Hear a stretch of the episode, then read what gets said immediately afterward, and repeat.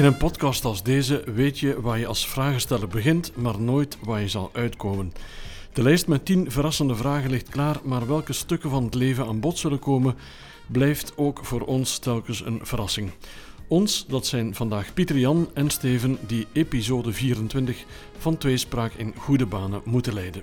Suwat Abihi is een frisse dertiger met een hart voor de stad Kortrijk, waarbij ze meebouwt aan meer diversiteit. Als master in verpleeg- en vroedkunde werd ze trouwens met hart en ziel in AZ Groeningen. Enkele meters verder vinden we Hans Kools, een schrijnwerkerszoon uit Lichtervelde, maar vooral bekend als een van de aanstormende talenten in de Vlaamse comedy scene. Zijn grappen bestaan uit knipogen naar de alledaagse gang van zaken in het leven, ideaal voor deze podcast dus. Suat en Hans, welkom in Tweespraak. Uh, Dank u. Kennen jullie elkaar? Hebben jullie elkaars naam gegoogeld? Of hoe, hoe zijn jullie voorbereid naar hier gekomen, Hans? Uh, dat wel, gegoogeld wel, ja. Maar ik had uh, uh, nooit eerder van, van haar gehoord. maar uiteraard wel een keer gecheckt met wie ik vandaag aan tafel zou, zou zitten. Ja, voor mensen die Suat niet kennen, wat heb je gevonden op het internet? dat ze een tijdje te werk gesteld geweest is als diversi diversiteitsmedewerkster, dacht ik, voor Stad Kortrijk. Uh, maar haar uh, hart opnieuw gevolgd heeft en terug uh, naast aan de slag is in de, in de zorgsector. En een lans breekt voor alles wat mentale problemen is en dat taboe wil doorbreken. Mm -hmm. Klopt dat een beetje zo wat, wat ja, er op klopt. het internet staat? ja, goed onderzoek gedaan. ik was ook van plan om u te googlen, maar ik had geen tijd. Maar normaal gezien zou ik dat wel doen. Ja. Dus ja. ik liet mij volledig verrassen. Ja. Maar de info die Pieter Jan heeft doorgegeven, dat klopt. Schijnwerkerszoon, Lichtervelde, comedian. Ja, dat klopt allemaal, ja, inderdaad. Um, en trouwens ook, ik heb wel een, een vrij sterke band met, uh, met stad Kortrijk ook. Dus uh, daar is er wel een raakvlak. Uh, een raakvlak sorry, ja. Want, want je werkt hier ook, hè, in Kortrijk? Ja, dus het, het, het comedian zijn is een, doe ik een bijberoep. Ehm, maar ik heb nog een, een hoofdjob als, als ingenieur hier in een bedrijf in Kortrijk. Ja. en mijn vrouw werkt hier ook op in het KTA van Kortrijk. Uh, en zo heb ik toch een band met de, met de stad hier. Dus. Ja. Zowat je werd in uh, AZ Groeningen, hoe, waren de, of hoe zijn de voorbije maanden voor jou geweest op uh, professioneel vlak? Uh, zijn, de voorbije maanden waren vooral heel hectisch, vooral ook door de pandemie waarin dat we nu leven.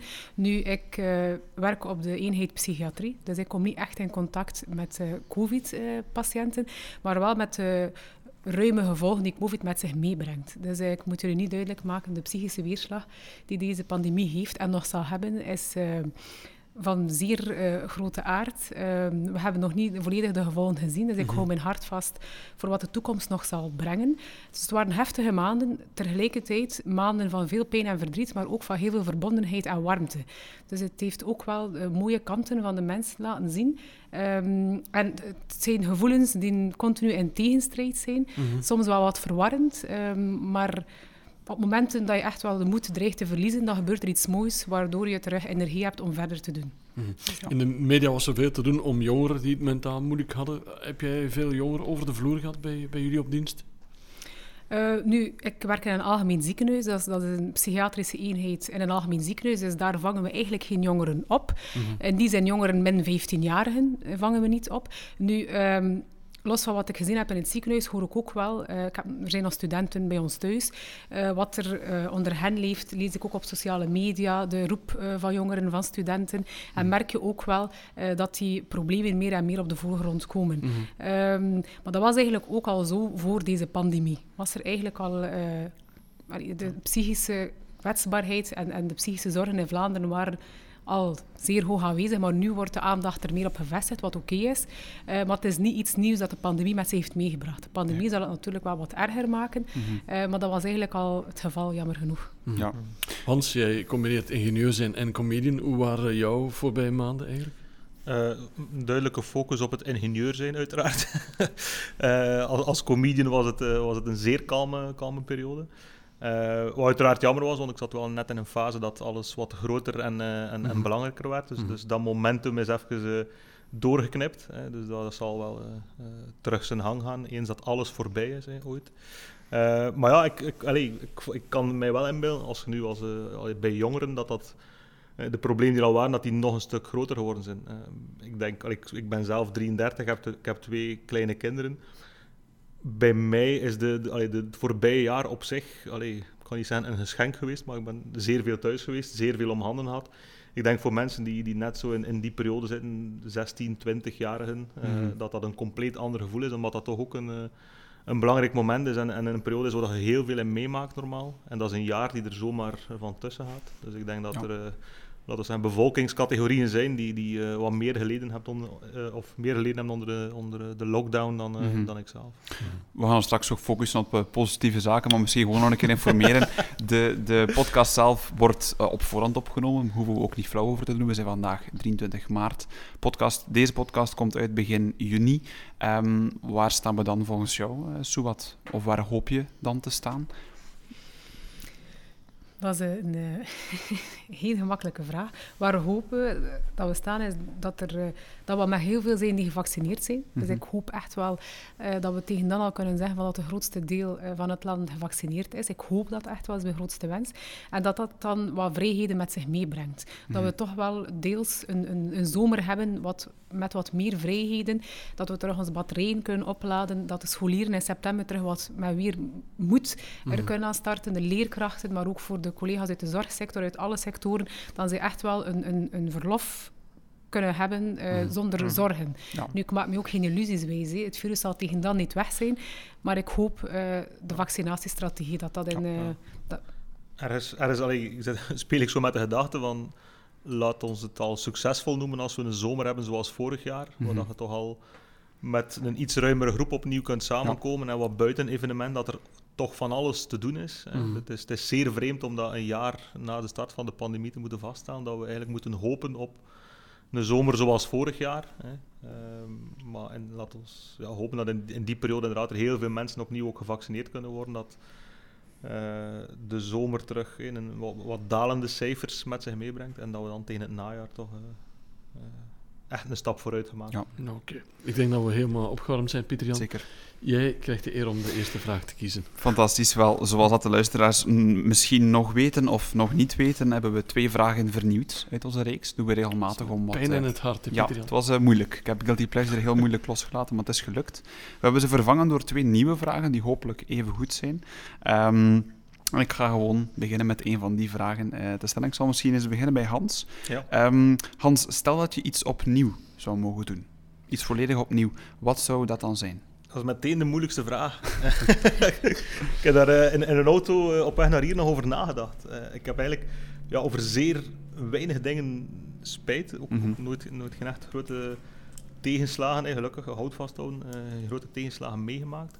Als ik dan puur kijk, professioneel of in mijn comedycarrière, heb ik eigenlijk zeker in, in, zeer in, in, de beginfase iets waarvan ik zeg, verdoemen, mocht ik dat opnieuw kunnen doen, dan zou ik toch anders doen.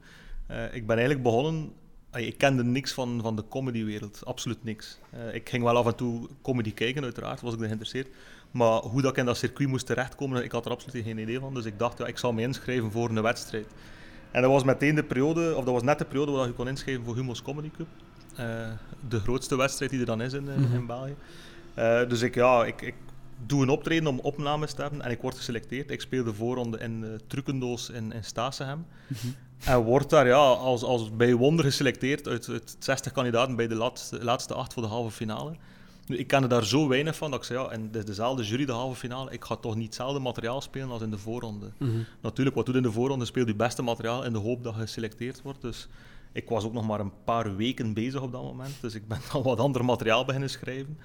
Uh, en dan komt in de Minar in Gent een zaal van, van 200, 300 man, met eigenlijk materiaal dat ik nog nooit gespeeld heb. Mm -hmm. En dan hoor ik die andere zeven kandidaten gewoon echt hun beste materiaal van de voorronde opnieuw recupereren. Uh, en dat is zo'n kapitale fout uh, die ik op dat moment gemaakt heb, dat ik dacht, verdomme, moest ik dat opnieuw kunnen doen, dat zou toch iets anders verlopen zijn. Ja. ja. Een totaal andere uitkomst dan, of ging je dat misschien wel...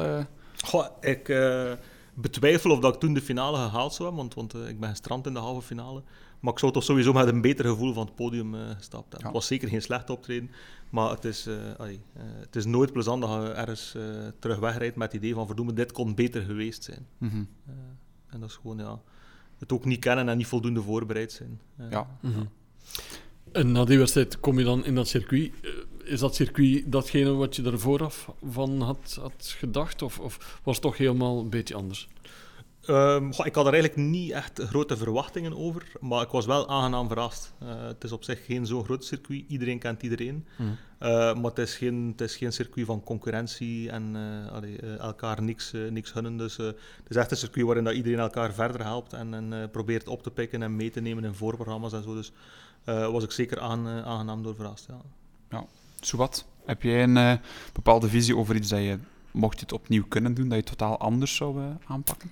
Eh, ik, heb ook niet heel vaak of bijna nooit spijt van dingen die ik gedaan heb, vooral van dingen die ik niet gedaan heb.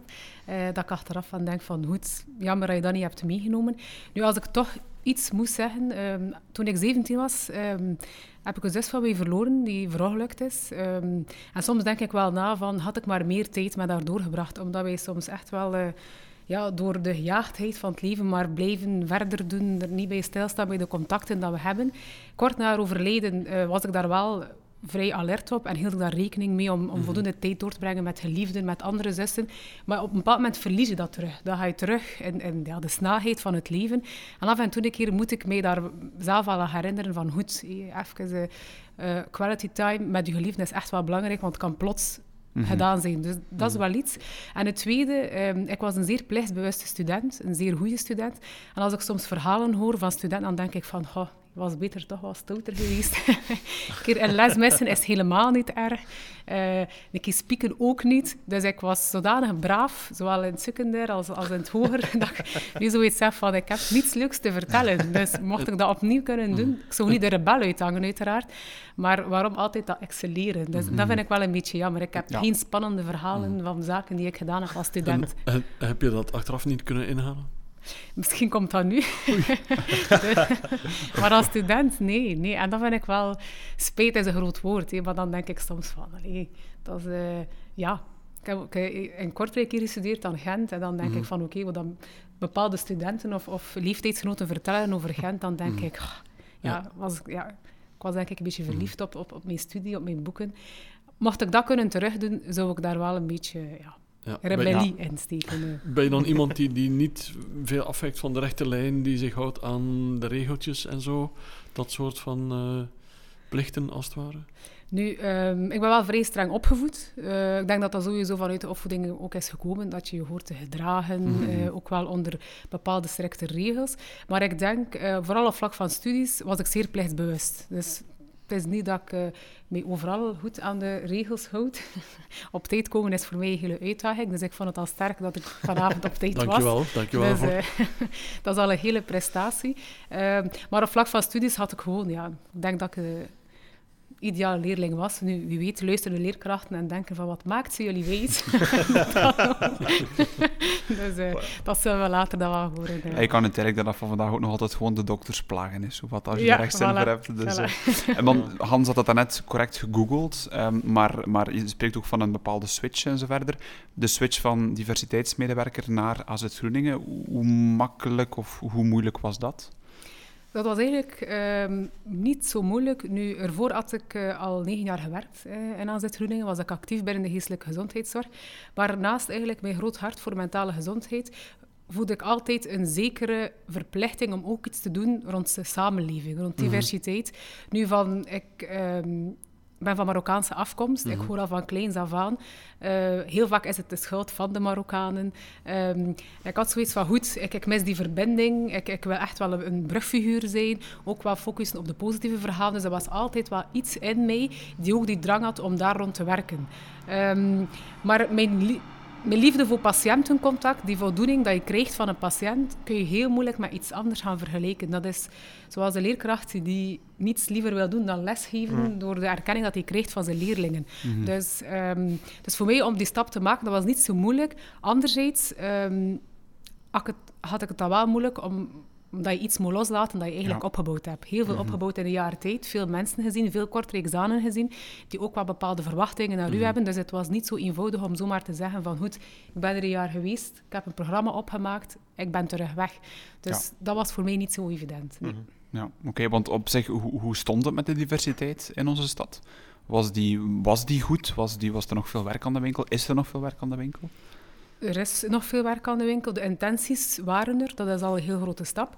Ehm, en ik denk, eh, wat er wel tekort was, is dat diversiteit heel ruim is. Voor Mhm. mij was diversiteit veel meer dan iemand met migratieachtergrond en iemand zonder migratieachtergrond. Dus Ja. ik had dat ook zo uitgetekend in mijn beleid. Diversiteit is eigenlijk elk één. Is iedere korte examen. Mhm. En die gedachte-switch was wel nog nodig om door te sijpelen in alles van het beleid. Ja. Dus om eigenlijk te gaan kijken van goed, eh, diversiteit, dat zijn evengoed eh personen eh, met, met, een- met een beperking als mensen vanuit de Holybe-gemeenschap, maar ook Mhm. gewoon eh, Jan, eh, Fatima, Ilse, die, ja, we zijn allemaal divers. En om eigenlijk te gaan kijken van goed, als je rond diversiteit wil werken, moet je focussen op alle korte examen. En het samenleven is niet evident. Mhm. Dat is, eh, dat is gewoon nu eenmaal zo. En soms moet je bepaalde dingen ook niet gaan opdringen. Je kan niet iedereen gaan dwingen om samen te leven. Zolang dat je respect hebt voor elkaar en elkaar en leeft en laat leven, is het op zich al voldoende. Hans, jij komt uit het landelijke Lichtervelde. Eh, is diversiteit daar een woord dat af en toe valt, of is dat een beetje ver van je bed? Eh, dat is eigenlijk eh, ver van mijn bed, dat moet ik echt eerlijk toegeven. En eh, eh, ik had er net ook al aangehaald, mijn vrouw werkt hier in het, als leerlingbegeleidster in het KTA van Kortrijk. Eh, dat is een school met, met 300 leerlingen, waaronder 60 verschillende nationaliteiten, 40 verschillende talen. Dus dat is, een- dat is voor mij allee, is een, een op- openbaring als, als ze vertelt hoe dat er eh, in die school aan toe, aan toe gaat. Eh, En wat dat mij daar, allee, dat, dat is voor mij een enorme bron van inspiratie, dat spanningsveld tussen hoe dat mijn leven er in Lichtervelde uitzag toen ik kind was. En dat is eigenlijk nauwelijks veranderd op de Mhm. dag van vandaag. 30 jaar later, ik stuur nu mijn oudste zoon naar de kleuterschool. Ja, eh, ik ga dat heel eerlijk zijn. Op de 30 kindjes in de peuterklas zit er niemand met een migratieachtergrond. Dat was 30 jaar geleden zo, dat is nu nog altijd zo. En dan zie je hoe dat er hier in Kortrijk aan toe gaat. Eh, hoe divers eh, de, de, de samenleving hier is. Ik vind dat allee, zeer frappant om dat vast te stellen. En ergens ook allee, een beetje vreemd, want ja, mijn zoon die gaat waarschijnlijk zijn, eh, zijn eerste tien jaar in de, in de lagere school in Lichtervelde doorlopen, dan nog twee jaar in het middelbaar. Dus hij zal misschien te vroegst als hij 14 jaar is, met de eerste keer in contact komen met mensen van, van de migratie. Wat eigenlijk absurd is in 2021. Dus ehm, ja, ik denk misschien dat dat ook ergens de, de, de bron is van een aantal, van een aantal problemen. Hè. Dat, dat, eh, dat daar nog zo'n zo'n verschil in zit eh, tussen verschillende regio's en verschillende, allee, verschillende groepen van, eh, van, van de bevolking. Ja. Mhm. Ja. Maar er is wel degelijk nog veel werk aan de winkel. Zowat. Op Twitter geef jij af en toe wel eens concrete voorbeelden van dingen die jij meemaakt. Waarbij je zegt van, ja, ook in Kortrijk is er ook op dat vlak nog, eh, nog veel werk. Ja, er is nog inderdaad veel werk. Ehm, we hebben ook al heel grote stappen gezet. Eh, maar ik denk, eh, zolang dat er mensen zijn, zullen er vooroordelen zijn en zullen er problemen zijn. Ik ben daar heel nuchter in. Maar ik kan altijd wel streven naar beter. Ehm, en ik blijf erin geloven eh, dat het samenleven stopt waar het veralgemenen start. En dat is een, een fout die wij allemaal maken. Of dat je nu een migratieachtergrond hebt of niet. Dat is een fout die wij als mens ook wel soms gaan maken. En we moeten daar bewust van zijn. Om niet te gaan veralgemenen. Niet alle vrouwen zijn zo, niet alle mannen zijn zo, niet alle mensen met een migratieachtergrond zijn zo, of niet alle Vlamingen zijn zo. En dat is wel iets dat we in ons achterhoofd moeten houden. Je hoeft elkaars beste vriend niet te zijn. Dat hoeft niet, dat gaat ook nooit het geval kunnen zijn. Maar laat elkaar... ehm, heb respect voor elkaar. Dus, eh, dat klinkt heel wollig, maar dat is eigenlijk een, een basisvereiste dat we soms ook wel gaan vergeten. Dus, en we maken het voor elkaar moeilijk uiteindelijk. Want we moeten het met elkaar doen, of dat we dat nu willen of niet. Voilà. We gaan aan een eh, tafel aanschuiven en we gaan eh, iets lekkers eten. We gaan een droomdiner organiseren. En jullie mogen daar gasten uitnodigen die voor jullie iets betekenen. Mensen die heel bekend zijn of minder bekend zijn. Welke personen mogen er aanschuiven op jullie droomdiner? Hans, heb jij zo'n lijstje met mensen? Ja, uiteraard. Allee, de, de, de, een droomdiner, daar, daar zullen uiteraard ja, eh, eerst en vooral wat mensen uitnodigen die, die zeer dicht bij, bij u staan, familie, vrienden, eh et cetera. Mhm. Als het gaat over wat, wat bekendere mensen, eh, heb ik erover nagedacht en ik denk, ik zou eigenlijk no- allee, waarschijnlijk geen mensen uitnodigen die super bekend zijn, om daarmee aan tafel te zitten. De kans is klein dat die een keer gaan vragen, hoe zit het bij u? Hè? Meer waarschijnlijk hadden heel veel moeten praten over wat dat zij al allemaal Ja, eh, meegemaakt hebben. ja. Maar als ik dan denk aan, aan bekendere mensen, dan, dan kijk ik toch een stukje lokaler. En dan eh, kom ik zo terecht bij, bij een aantal tv-figuren waarvan ik altijd denk, verdomme, dat lijken mij toch plezante mensen om mee aan tafel te zitten. Zoals een, een Jeroen Meus of een Wim Liebaert. of zo. Dat, zijn, dat zien er mij nu een keer gezellige mensen uit, die er ook zeer gewoon uitzien. Die zijn succesvol in wat ze doen. Maar dat integreert me wel, dat die, dat die mensen er zo onwaarschijnlijk nog altijd authentiek en eh, eh, normaal eh, uitzien. Mhm. Ehm, dus dat, en ja, bovendien, Jeroen, Jeroen Meus kan ook wel wat koken, dat is ook altijd wel meegenomen natuurlijk. hè. Laat je Jeroen Meus koken op die avond of sta je toch zelf achter de potten? Ik, ben, ik ben niet zo'n geweldige kok. Alhoewel, ja, door, door, door, de, door de lockdown nu werk ik zeer veel van thuis uit. En mijn vrouw ja, die, die, is geacht aanwezig te zijn op school. Eh, dus ja, de laatste maanden heb ik, heb ik mij daar wel een beetje in, eh, in verdiept. En sta ik zelf, zelf ook af en toe een keer achter de. Ja. Mhm. Je hebt Belgische mensen genoemd. Zijn er ook internationale figuren die jij bewondert om een of andere reden? Ehm, goh, eigenlijk, ja, ik, zeg, dat is, is- ik, ik ben iemand die al- over het algemeen zeer lokaal leeft en, en ook rond zich kijkt. Mhm. Als het gaat bijvoorbeeld over comedy. Ik heb nagenoeg nog geen, geen minuut comedy gezien van een, van een niet-Belgische comedian, ook als het gaat over muziek en zo. Ja, vind ik, allee, en ik weet dat dat ergens een, een, een, eh, allee, ergens een enorm gat is in mijn cultuur, eh, dat, ik- dat ik mij daar eh, nog niet in verdiept heb. Maar ik vind dat er ja, hier lokaal ook zodanig veel fantastisch goede dingen eh, te Mhm. beleven zijn en te zien zijn, eh, dat ik mij daar altijd wel een beetje een, eh, eh, op focus. Ja. Zo wat, jouw droomdiner, wie mag daar allemaal eh, naast jou of rond jou aan tafel zitten?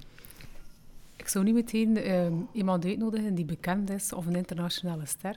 Ik ben meer het uh, Lucalo-type. Ik hou van eh, de verhalen van mensen en ik zou eigenlijk Mhm. iedereen uitnodigen die iets te vertellen heeft. Ehm, ik heb heel veel contact met mensen, ook eh, door mijn job hoor ik heel veel verhalen. Ehm, en soms kan je een verhaal horen van iemand die al jaren naast u woont en dat je eigenlijk niet wist van dat hij, dat hij of zij zo'n schat aan verhalen had. Dus ik zou niet één diner organiseren, maar ik zou zoals Lucalo doen, eigenlijk verschillende diners en verschillende mensen en luisteren naar hun verhalen. Kunnen daar mensen tussen zitten die bekend zijn? Oké. Ehm, maar dat hoeft voor mij niet. Dus vooral ook wel eh, de bijzondere interesse in, in de verhalen van mensen, verhalen van vroeger, van nu, hoe zij de dingen zien. Eh, en hoe introverter de persoon, hoe, hoe minder aanwezig in de ruimte, hoe interessanter soms, vind ik. Dus ehm, ik zou het op die manier doen. Ja. En Je, je kookt ook daar zelf voor iedereen, want het zijn verschillende diners. Je zult je werk hebben, hè, zowat. Of laat je koken. Ze gaat gewoon van deur tot deur en ze, ze belt aan rond etenstijd. Voilà, inderdaad. U begint me al goed te kennen, hè. Ben je een eh, keukenprinses of minder? Nee, ik, eh, ik zou liegen als ik zou zeggen dat ik een keukenprinses ben. Ehm, ik kom al uit een nest van keukenprinsessen. Ik heb een eh, mama die heel goed kan koken, ook twee zussen. Eh, misschien zit het in mij, maar ik heb het nog niet uitgelokt, zeg maar. Dus ik Ja. menig de tijd om te koken. Maar wie weet kan ik het wel. Dus ik maak wel lekkere tagines. Dat kan ik. Ja. Ja. Dus, ehm, En kies je dan voor de Belgische keuken, de Marokkaanse keuken of, of een beetje de beide? Het is een mix eigenlijk, ja. Het is niet echt eh, bewust van... Nu, we merken wel, eh, wij kruiden heel graag ons eten. Dus eh, soms schiet de westerse keuken wel wat tekort eh, voor mijn smaakpapieren. Dat ik zo het gevoel heb van het is hier enkel maar zout en peper. ik mis hier eh, wat pikante kruiden. Dat merk je wel. Dus als je daarin opgegroeid bent, dat je echt wel eh, meer naar die pikante gerechten aangetrokken voelt. Ja. En dan wordt de vraag gesteld, we hebben dat ook in het verleden gedaan, eh, hoeveel procent Belg ben jij, hoeveel procent Marokkaanse? Kan je daar een, een getal op kleven eigenlijk? Nee, want vaak wordt er gezegd van die gemeenschap of je hoort daarbij. Eigenlijk vind ik, ik ben van mezelf. Ik hoor bij geen enkele gemeenschap. Dus, eh, maar in het begin, uiteraard, eh worstel je daar wel mee. Dat is zo die befaamde identiteitscrisis. Men heeft dat dan een naam, dat is een zeer zwaar woord. Omdat je ergens op zoek gaat van goed, wanneer ben ik goed voor de ene wereld en ook voor de andere wereld. Uiteraard ga je hier naar school, je hebt westerse vrienden, je wil ook daar kunnen bijhoren, zeker als puber, probeer je je best te doen om erbij te horen. Maar op een bepaald moment besef je van, oké, je kan eigenlijk niet voor beide werelden goed doen. Dus beter doe je goed voor jezelf. Dus ik, ik voel dat ik in geen enkele gemeenschap thuis hoor, zeg maar. Omdat ik vind, ik vind dat ook te eng. Dus om te zeggen van, ik voel mij daar of daar. Dus ik ben wie ik ben, een mix van beide werelden. Dus, ehm, Je voelt je 100% West-Vlaming, Hans. Eh, ja, maar meer dan dat ook. hè. Allee, Ja. dus, eh, ik weet dat dat, allee, dat is ook zo wel af en toe een stempel dat ik dat krijg natuurlijk. Ik, ik ben geboren in Lichterveld, ik woon er nog altijd en ik zal dat waarschijnlijk ook... eh, allee, er zijn geen aanleidingen waarom dat ik dat zo vertrek, maar uiteindelijk zei dat is, dat, is, dat is voor mij wel altijd interessant geweest om, om een, een job te hebben in een, in een, in een grotere organisatie Mhm. en ook hier in Kortrijk te werken. En daar toch wat uit weggetrokken te worden en, en een iets, iets bredere kijk op de wereld te hebben dan, Ja. eh, dan wat zich daar eh, Mhm. letterlijk onder de kerktoren eh afspeelt. Dus ja, uiteraard zijn ze zeer sterk verankerd hier in, eh, in de provincie. Ja. Maar allee, ik, vind het, ik vind het bijvoorbeeld zeer boeiend om, eh, om ook, eh, allee, eh, allee, voor, mij, voor, mij, voor mij persoonlijk ook, om, eh, om in, in Gent, Antwerpen, eh, wat verder een keer over de Schelde te gaan, te gaan optreden. Dat is voor Ja. mij de grootste uitdaging. Ehm, Ja. En ik, allee, ik kijk er ook altijd naar uit, omdat ik weet dat het, ja, als ik terug op, allee, wat ik fantastisch graag doe, hè, als ik op het eetfestijn van de Giro ergens, als, als die een comedyavond organiseren, ja, bedoel, daar weet je wel ondertussen dat het eh, met, eh, met het, eh, het koffertje materiaal dat ik heb, dat het daar wel een, een leuke avond zal worden. Maar het is, het is een absolute uitdaging om dat ook een keer Ja. in, het, in het centrum van Antwerpen te gaan doen, in de, in de Arenberg-schouwburg bijvoorbeeld. Mhm. Dan dan allee, Mhm. speelt er wat meer in mijn hoofd de dag of de, of de uren ervoor dan, dan dat ik hier lokaal moet spelen. Ja, dat ja, op zich zeker. Mhm. Nu het hebben over plaatsen, eh, zijn er plekken, zijn er steden, gemeenten, dorpen waar je een speciale band mee hebt? Heb jij een soort lievelingsplek eh, en wat vind je daar wat je elders niet vindt, zowat?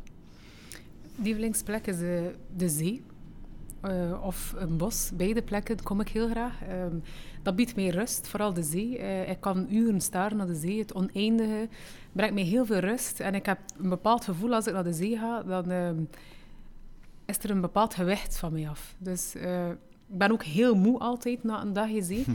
Eh, maar ik denk dat iedereen dat wel heeft, denk ik. Eh, en dat brengt mij gewoon tot rust. Ik kan dat heel moeilijk uitleggen, maar soms praat ik ook tegen de zee. Ehm, nog, niet antwoord, mocht ze antwoorden, dan denk ik, dan maak ik beter een afspraak bij een van de psychiaters bij ons. Dat is de magische gave van Ja. straks. Dus, ehm, dus vooral de zee, ik kom daar echt tot rust. Ja. Een bepaalde badstad of, of elke badstad of gewoon de zee in het algemeen? Ehm, nu, ik ga heel graag naar Katzand, omdat daar ook het meest rustig is. Ja. Dus eh, niet dat de badsteden hier eh, in, in België niet, niet zo mooi zijn, maar de drukte neemt natuurlijk wel de kracht van de rust weg. Ja, ze, zijn, ze zijn minder mooi, dat, mo dat Ja. moeten we wel zeggen. Ja. Mhm. Ja, dus eerder de uitgestrekte stranden en eh, ja, Ja, Ja. weinig gebouwen, weinig Ja. volk. ehm, ja. Oké.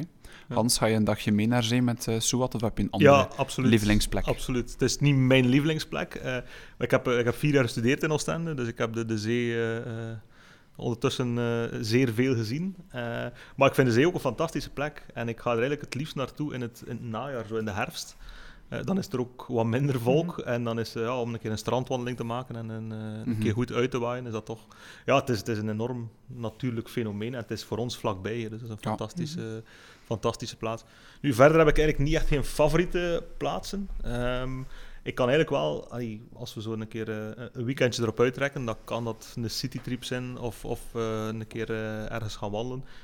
Heb ik, allee, ik, ik ben zeer, zeer snel positief over de omgeving. Probeer ik Mhm. altijd, of zie ik zeer snel de mooie dingen.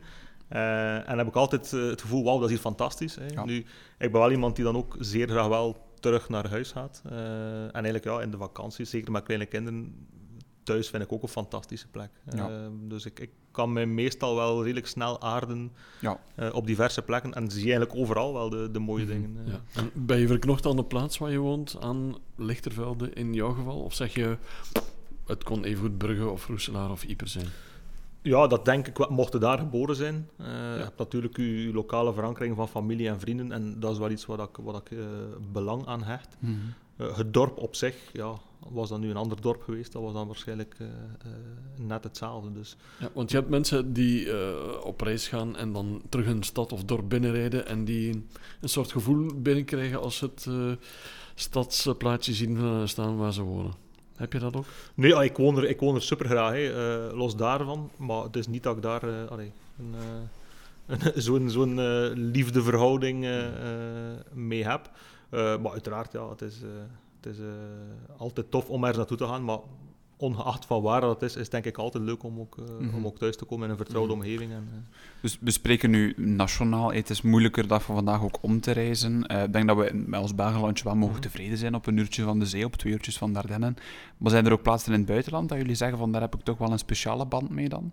Naar, naar plekken toe, Hans? Ehm, weinig of niet, moet ik zeggen. Hm. Eh, ik ben niet iemand die het, eh, de drang heeft om de wereld te zien.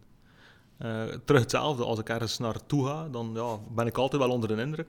Maar ja, pas op, ik, iedereen heeft daar zijn eigen beeld rond. Maar zijn van ik wil de westkust van Amerika gezien hebben of ik wil op de Mount Everest klimmen. Ik vind het fantastisch dat mensen zo'n doelen hebben. Maar dat zegt mij eigenlijk vrij weinig. Mhm. Ehm, en als je dan een keer ja, er is een, een, een citytrip city doet in Europa, kom je in fantastische steden. Mhm. Maar inderdaad, ja, eh, dan mogen toch vanuit het eh, lokale perspectief hier ook wel zijn dat we daar niet altijd voor, eh, voor moeten onderdoen. Mhm. Maar natuurlijk, ja, allee, mensen zeggen, ik heb de Hanse wereld gezien. Ja, uiteindelijk heb je de plaatsen gezien waar dat je de keuze gemaakt hebt om een week eh, naartoe te gaan. eh, waar waarschijnlijk al miljoenen andere mensen ook gepasseerd zijn. Dus ja, die drang voel ik, ik zo niet. Nee. Zo, herken jij dat? Of heb jij toch een zekere verlangen om je horizonten te verleggen en, en de wijde wereld te zien? Ik heb dat verlangen, maar ik heb iets anders die sterker is of dat, dat- of dat verlangen, en dat is een, een vliegangst. Dus ik heb een vliegangst gecreëerd. Ik weet niet van waar dat die angst komt. Eh, maar dat is eigenlijk wel nogal heftig, want ik heb ook al bepaalde reizen niet laten doorgaan, omdat ik eigenlijk niet durf vliegen. Ik denk dat dat te maken heeft met controleverlies, denk ik. Eh, dat is altijd gevaarlijk als je zelf analyseert. Maar ik heb me nu voorgenomen, omdat ik nu het jaar dat we de, niet konden vliegen, waren er wel twee reizen gepland. Dat is niet kunnen doorgaan. Ehm, en dan vond ik dat wel jammer. En dan dacht ik van, oké, goed, waar is de vlie- vliegangst nu naartoe? Komt dat door de drang, omdat, er, omdat je nu iets niet mag, dat je het zo graag wilt doen? Dus, maar ik heb wel de intentie naar de toekomst toe om daar rond te werken. Eh, ik heb een speciale band met ehm, Marokko. Om, ehm, dat is gegroeid doorheen de jaren hoor, want ik ben daar geboren. Aan één jaar en twee maanden zijn we naar hier gekomen. Dus eigenlijk daar ontworteld geweest. En ik vind het altijd fascinerend als ik daar ben. eh, dan denk ik altijd na van goed, hoe ging mijn leven eruit zien mocht ik hierin opgegroeid. Want veel mensen denken, eh, je komt uit Marokko, dus je hebt wel een goede band eh, met dat land. Maar als wij daar zijn, dan worden wij gezien als Europeaan. Dus je wordt niet gezien als Marokkaan, dus omdat je daar niet bent opgegroeid. Dus dan moet ik dat altijd uitleggen aan de mensen van, ook daar is het voor mij, dat is niet thuiskomen, maar dat is, je, moet echt wel wennen aan, aan, aan de omgeving, aan de cultuur. Ik vind dat altijd zeer fascinerend om te zien hoe dat mensen daar eh, opgroeien, hoe dat ze daar leven. Ehm, ook om daar zeer progressieve mensen tegen het lijf te lopen, veel progressiever dan bepaalde Marokkanen hier in Vlaanderen, eh, om echt wel te zien hoe dat land evolueert. Dus dat, dat boeit mij wel. Dat is zeker een, een, maar dat is doorheen de jaren gegroeid. Want het is, ja, met een land waar je niet in woont, is het ook wel heel moeilijk om, om daar een band mee op te bouwen. Dus, eh, Ja. Maar ik voel wel, met ouder worden, dat ik meer en meer die connectie wel voel. Zo wat ik ga je geheim vertellen. Morgen ga je een nieuwe switch doen. Neem je afscheid van AZ Groeningen en word je hoofdredacteur van alle kranten van het land. En je hebt morgen eigenlijk gewoon de opdracht om op alle kranten éénzelfde quote te drukken. Wat wordt die quote voor jou? Dat is eh, een quote eh, die ik al jaren eh, gebruik. En dat is, ik heb het daarnet ook al vernoemd, het samenleven stopt waar het veralgemenen start. Leef en laat leven. Zou ik zeker op alle kranten eh, drukken, absoluut. Ja. Mooie quote. En, en inderdaad, recht voor de raap. Dat is een dat je, één dat je veel gebruikt of dat je voelt dat je veel moet gebruiken. Beide. Ik Ja. gebruik het veel en ook het gevoel dat ik het moet gebruiken. Vooral ook in bepaalde discussies over bepaalde onderwerpen, dat ik dan zeg eigenlijk aan de mensen van goed, leef en laat leven. Dus als het, het zich geen probleem vormt, laat de ander in zijn eigen waarde, als u dat niet stoort. Van mij mag je doen wat je niet laten kunt, zolang dat je de ander geen dingen oplegt en de ander niet in gevaar brengt, mag je doen wat je wilt. Mhm. Word je dat nooit moe om, om op te boksen tegen dat soort van vooroordelen of, of grenzen? Dat hangt er vanaf welke dag dat is. Als het echt wel eh, een dag is waarin dat je dat echt wel eh, kan missen, dan is dat soms echt wel eh, goed. Eh, dan kun je soms wel de controle verliezen. Ehm, maar op dit moment voel het niet aan als, als een last om dat te blijven zeggen. Dus ik kan de energie nu nog opbrengen eh, om, om dat te zeggen. Maar ik heb wel geleerd om eh, niet meer... ehm, in de gezondheidszorg noemen we dat therapeutische hardnekkigheid. Ik zal, dus bepaalde mensen kun je niet meer veranderen. En dat is ook oké. Dus bepaalde mensen die zeer rigide zijn, die overtuigd zijn van hun oordeel en die eigenlijk niet openstaan voor een ander oordeel, dat laat ik los. Dus ik, ik kies ervoor om te focussen, want het grootste gros van de mensen ehm, is wel voor reden vatbaar en staat wel open voor andere ideeën. Dus, ehm, dat heb ik wel geleerd doorheen de jaren. Maar er is op zich nog werk aan de winkel. Ja, Oké. Hans, jij bent de eindredacteur van alle kranten in Vlaanderen, België. jij, jij mag die voorpagina vullen met een quote. Welke wordt het? Ik zou, ik zou erop zetten, uh, je bent niet alleen. Uh, omdat ik uh, ja, heel vaak de indruk heb dat, dat mensen nogal heel sterk op zichzelf terugploegen, of, of zichzelf centraal staan. Dat ziet op heel veel diverse vlakken, op social media of, of bij collega's. Of, of, uh, dat, uh, dat mensen heel sterk vanuit hun eigen perspectief uh, denken en daar ook altijd een mening willen over, over ventileren. terwijl dat er ja, heel veel dingen gebeuren rondom ons, ja, die veel vaak belangrijker zijn dan, dan, dan hetgeen dat je in je eigen leven aan te, aan te, aan meemaken zit. En soms erger ik mij daar wel een keer aan dat, dat ja, mensen iets meemaken. zeker in mijn le leeftijdscategorie, mensen zijn aan het, aan het bouwen, krijgen kinderen. Dat is, dat is een zeer intense periode. Mm. Um, maar tegelijkertijd is dat iets dat iedereen doormaakt. Hè. Mm. Uh, en mensen die daar nogal redelijk extreem over kunnen communiceren, als mm. zijnde dat dat nu bij hen altijd net iets specialer of beter of anders mm. is dan andere mensen, heb ik altijd zoiets van, jongens, uh, het is uiteraard zeer intens en belangrijk voor u, maar ja, er zijn wel een aantal mensen die het u voorgedaan hebben ook. Ja, uh, want veel mensen kiezen dan voor sociale media om dat inderdaad te ja, delen. Ja. Hoe sta je daar tegenover? Um, ik moet zeggen, tot, tot ik de eerste keer op een podium gestaan heb, uh, had ik geen sociale media. Uh, en iemand in de zaal kwam naar mij toe en zei: Ja, we zullen nu wel een keer boeken ook om, om op te. Maar we vinden niet op sociale media. Ik zeg: Nee, omdat ja, ik heb geen sociale media. Dus de dag daarna heb ik dat maar aangemaakt. Eh, omdat dat toch wel ergens belangrijk is dat, dat de mensen nu kunnen, kunnen terugvinden.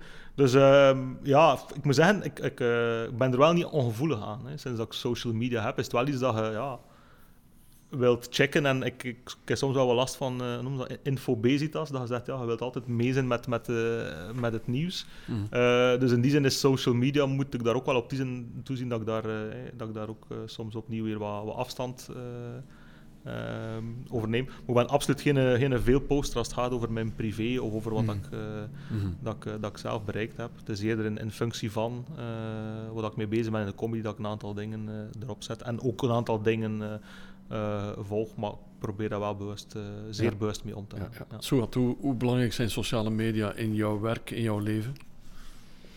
Uh, in mijn werk niet zo belangrijk. Dus, voor mijn werk gebruik ik de sociale media niet. in mijn leven, ik heb zo een knipperlichtrelatie met sociale media. Ik heb ooit vier jaar ben ik offline geweest. in 2019 terug online. En het is altijd naar een evenwicht zoeken. Dus um, ik ben toen vier jaar offline gegaan omdat ik het eigenlijk beu was om altijd maar de schijnverhalen te zien. Dus ik had zoiets van, dat is altijd maar het, het goede nieuws. En, en dan anderzijds de media die alleen maar dingen in de verf zetten om nog meer te gaan polariseren. Uh, een koppel waarvan dat je hoort die, die bijna... Die, die, uh, op, op echtscheiding uh, staan, maar dan een foto posten dat allemaal zo leuk en zo wauw was. En je ziet dan andere mensen in je omgeving die zich daaraan spiegelen. En ik was het eigenlijk een beetje beu. Ik dacht, ja, wat een theater hier. En ook de tijd dat je spendeert aan sociale media. Ik weet nog, eh, ik was gaan eten in een restaurant en ik zei, dus bloedserieus, aan de oper van een maai, heel mooie schilderij. En die zei, ja, zo, neem me niet kwalijk, maar je bent er al een paar keer geweest en dat schilderij, dat hangt er eigenlijk al uit van bij het begin. Maar ik had dat dus nooit gezien, want blijkbaar, ja, wat deed je?